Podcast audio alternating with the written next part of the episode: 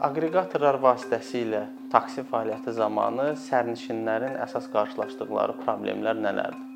Bu problemlər yaranır əvvəlcə e, sürücünün davranış qaydalarından, davranış qaydalarına riayət etməməsindən, sürücünün sutkanın böyük bir hissəsi çalışması və bunun nəticəsində yorğun və ya yuxulu olması, avtomobilin sazlıq vəziyyəti, avtomobilin təmizliyi, gigiyenik olub olmaması, təyinat nöqtəsinə e, sürücünün hansı qaydada gedib çatması, sürücünün yol hərəkəti qaydalarına riayət edib etməməsi, təhlükəli sürməsi və ən əsası bizim e, istehlakçıların belə deyək, ən yaralı yeri nəğdsiz ödənişlər. Ən böyük şikayətlərlə, ən böyük problemlərlə sırf nəğdsiz ödənişlər zamanı rastlaşırıq.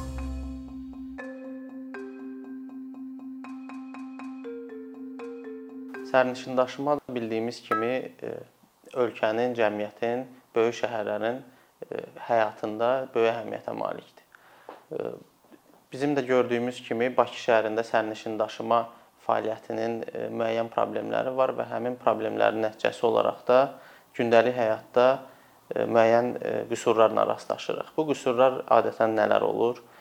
Parklanma yerlərinin çatışmazlığı, insanların gündəlik həyatda əsəb və stress keçirmələri, e, insanların iş həyatında operativliyin aşağı düşməsi, getmək istədikləri yerə vaxtında gedib çata bilməmələridir.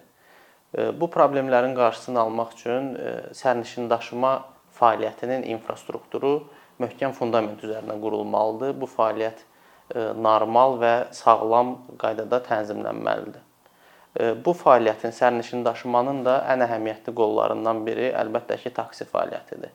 Və biz çox təəssüf ki, bu gün taksi fəaliyyətində çox böyük qüsurlar müşahidə edirik, çox böyük problemlərlə qarşılaşırıq. Taksi fəaliyyətinin həyata keçirilməsinin iki əsas üsulun üsulunun şahidi oluruq. Bunlardan biri ənənəvi taksilər dediyimiz fərdi sahibkar kimi qeydiyyatdan keçmiş el arasında buna vöyn alan şəxslər deyilir. Taksometrlə və ya müştəri ilə şifahi razılıq əsasında qiymət müəyyən edən və əvvəlcədən müəyyən olunmuş dayanacaqlarda duran taksilərdir. Bu taksilərin qiyməti digər üsulla fəaliyyət göstərən taksilərdən bir neçə dəfə baha olur. Digər üsul nədir? Digər üsul isə aqreqator adlandırdığımız vasitəçilərin mobil tətbiqlərindən istifadə edən sürücülərin göstərdiyi fəaliyyət növüdür. Bu necə baş verir? Mobil tətbiqi aqreqator istifadəyə verir. Həmin aqreqatorun mobil tətbiqi vasitəsilə sürücü qeydiyyatdan keçir və sürücü sərnişini həmin mobil tətbiq vasitəsilə tapır. O cümlədən də biz sərnişinlər sürücü lazım olanda sifariş veririk və bizə yaxın olan sürücü bizim üçün yaxınlaşır təyinat məntəqəsinə. Bu ilkin belə səsləndiriləndə kifayət qədər normal, sağlam mexanizm kimi qulağa gəlir. Lakin bunun Azərbaycanda, xüsusilə Bakı şəhərində həyata keçirilməsi zamanı bir çox problemlərin, qüsurların şahidi oluruq. Aqreqatorlar vasitəsilə taksi fəaliyyəti zamanı sərnişinlərin əsas qarşılaşdıqları problemlər nələrdir? Bu problemlər yaranır. Əvvəlcə e, sürücünün davranış qaydalarından, davranış qaydalarına riayət etməməsindən, sürücünün sutkanın böyük bir hissəsi çalışması və bunun nəticəsində yorğun və ya yuxulu olması, avtomobilin sazlıq vəziyyəti, avtomobilin təmizliyi, gigiyenik olub olmaması, e, təyinat nöqtəsinə e, sürücünün hansı qaydada gedib çatması, sürücünün yol hərəkəti qaydalarına riayət edib etməməsi, təhlükəli sürməsi, və ən əsası bizim istehlakçıların belə deyək, ən yaralı yeri nəğdsiz ödənişlər. Ən böyük şikayətlərlə, ən böyük problemlərlə sırf nəğdsiz ödənişlər zamanı rastlaşırıq. Bu necə yaranır? Sürücü sifariş edən sərnişinə zəng edir, soruşur ki, sifarişin qiyməti, dəyəri hansı üsulla ödəniləcək? Kart vasitəsilə və yaxud nəqd üsulla. Əgər sərnişin nəğdsiz üsulu seçibsə, e, sürücü ondan e, sifarişi sifarişdən imtina eləməyi tələb eləyir. Nəyə görə sürücü tələb eləyir, özü imtina eləmir? Çünki e, sürücü gedişdən imtina elədiyi zaman mobil tətbiqdəki reytinqi aşağı düşür, ona daha az sifariş gəlməyə başlayır. Biz bu kartla ödəniş zamanı daha pis halların da şahidi oluruq. Bir neçə dəfə mən öz təcrübəmdə rastlaşmışam ki, sərnişinlər müraciət ediblər. Onları sürücülər yolun ortasında gediş zamanı düşürüblər. Səbəb nədir? Kartla ödənişdir. Əlbəttə ki, bu bu problemin kökünü sırf sürücüdə axtarmaq lazım deyil. Hər zamanmı sürücü günahkardır? Bütün bu problemlərin səbəbi sürücülərdədirmi? Əlbəttə ki, yox. Sürücüləri bu hala vadar eləyən nədir? Sürücüləri nəğdsiz ödənişləri sevməməyə vadar eləyən nədir? Biz əksər hallarda, böyük əksəriyyət sürücülərdə bunun şahidi oluruq ki, sürücülər vergi orqanında qeydiyyatdan keçmirlər fərdi sahibkar kimi. Yəni vöyn almırlar, fərqlənmə nişanı almırlar və aqreqator dediyimiz vasitəçilər sürücü qeydiyyatdan keçərkən bütün bu tələblərə cavab verib vermədiyini sürücüdən soruşmur, bunu yoxlamır. Nəinki sürücünün qanunvericiliyin tələblərinə riayət edib eləməməsini, sürücünün hansı avtomobildən istifadə edəcəyini belə aqreqatorlar yoxlamırlar. Və nəticədə nəyin şahidi oluruq? Sürücülərin vöynləri yoxdur, rəsmi fəaliyyət göstərmirlər və nəticədə vöynə bağlı bank hesabları olmur.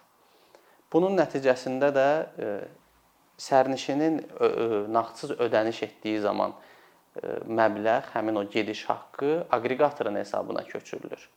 Aqreqator isə həmin məbləği sürücünün hesabına köçürə bilmir. Çünki sürücünün belə bir hesabı yoxdur. Bu məbləğ aqreqatorun hesabında toplanan məbləğ sürücünün nəqd ödənişlərdən aldığı puldan aqreqatorun komissiyasını kompensasiya eləmək üçün istifadə olunur.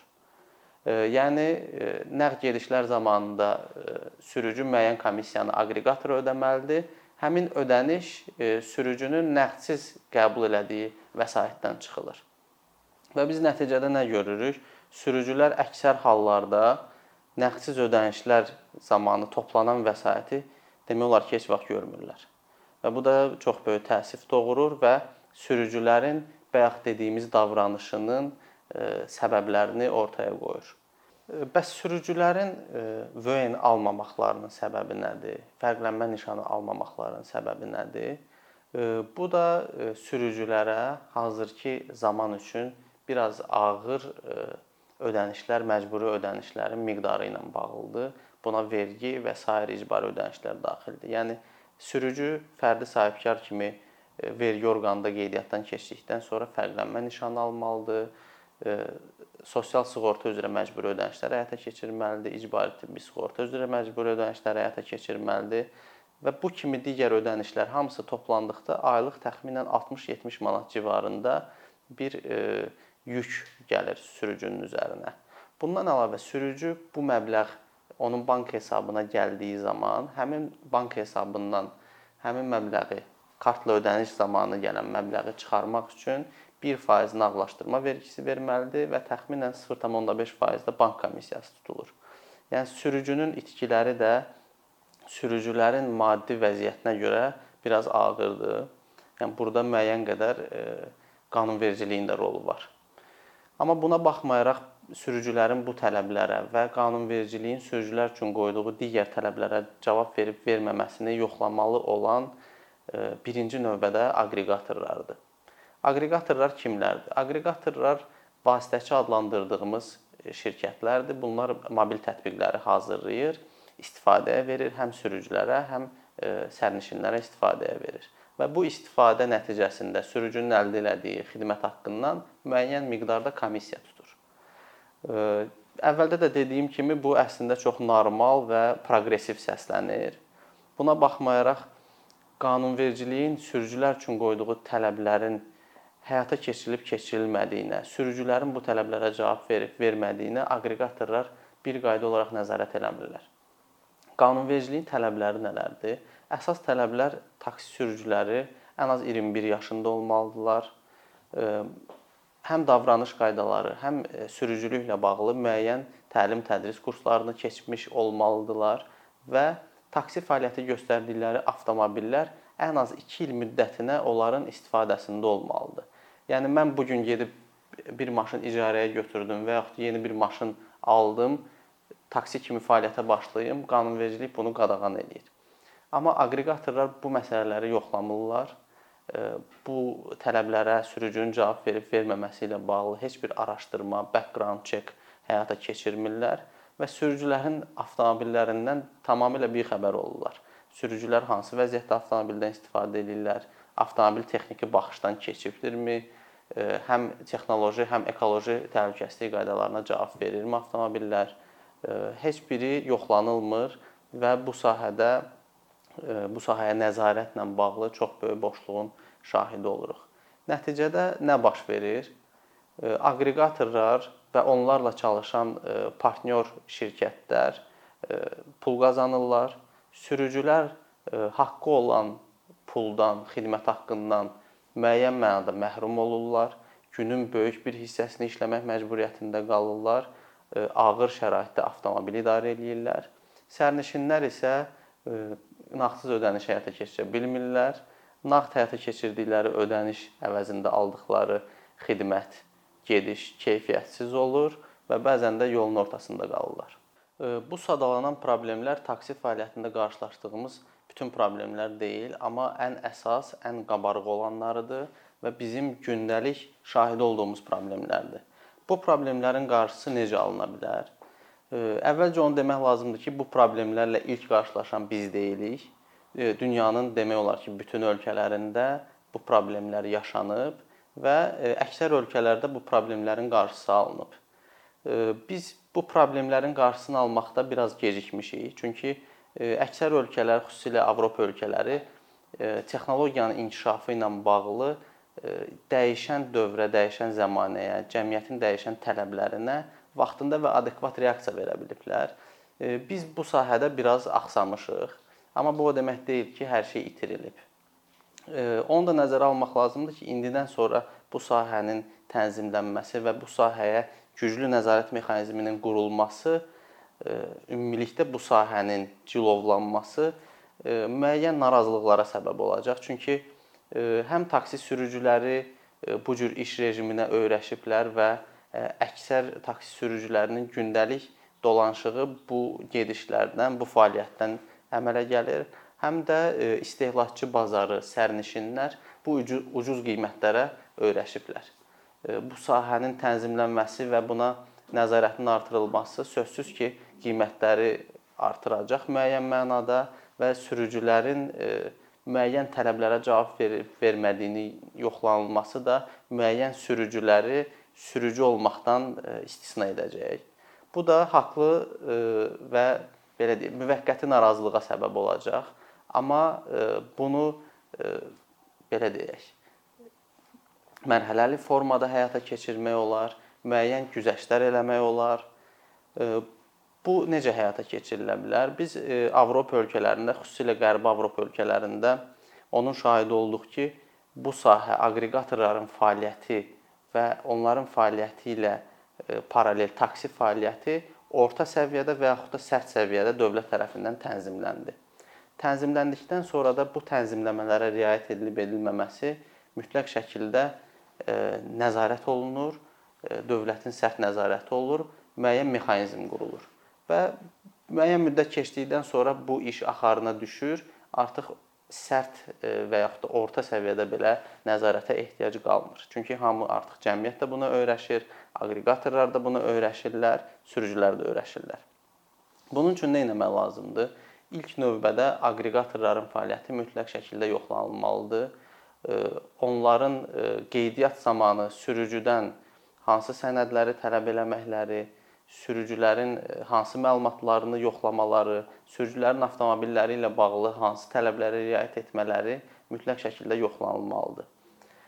Sürücülərin vergi ödəyicisi kimi qeydiyyatdan keçmələri mütləq şəkildə təmin edilməlidir. Fərqlənmə nişanları alınmalıdır və sürücülər e, qısa müddətə də olsa müəyyən bir təlim-tədris kursundan keçməlidirlər. Bunu həyata keçirərkən mənim fikrimcə taksi sürücülərinin üzərinə yüklənilən məcburi ödənişlərin miqdarı müəyyən qədər azaldılmalıdır. Bu e, məbləğlə bağlı güzəşt tətbiq olunmalıdır və yaxud da müəyyən imtiyazlar verilməlidir taksi sürücülərinə.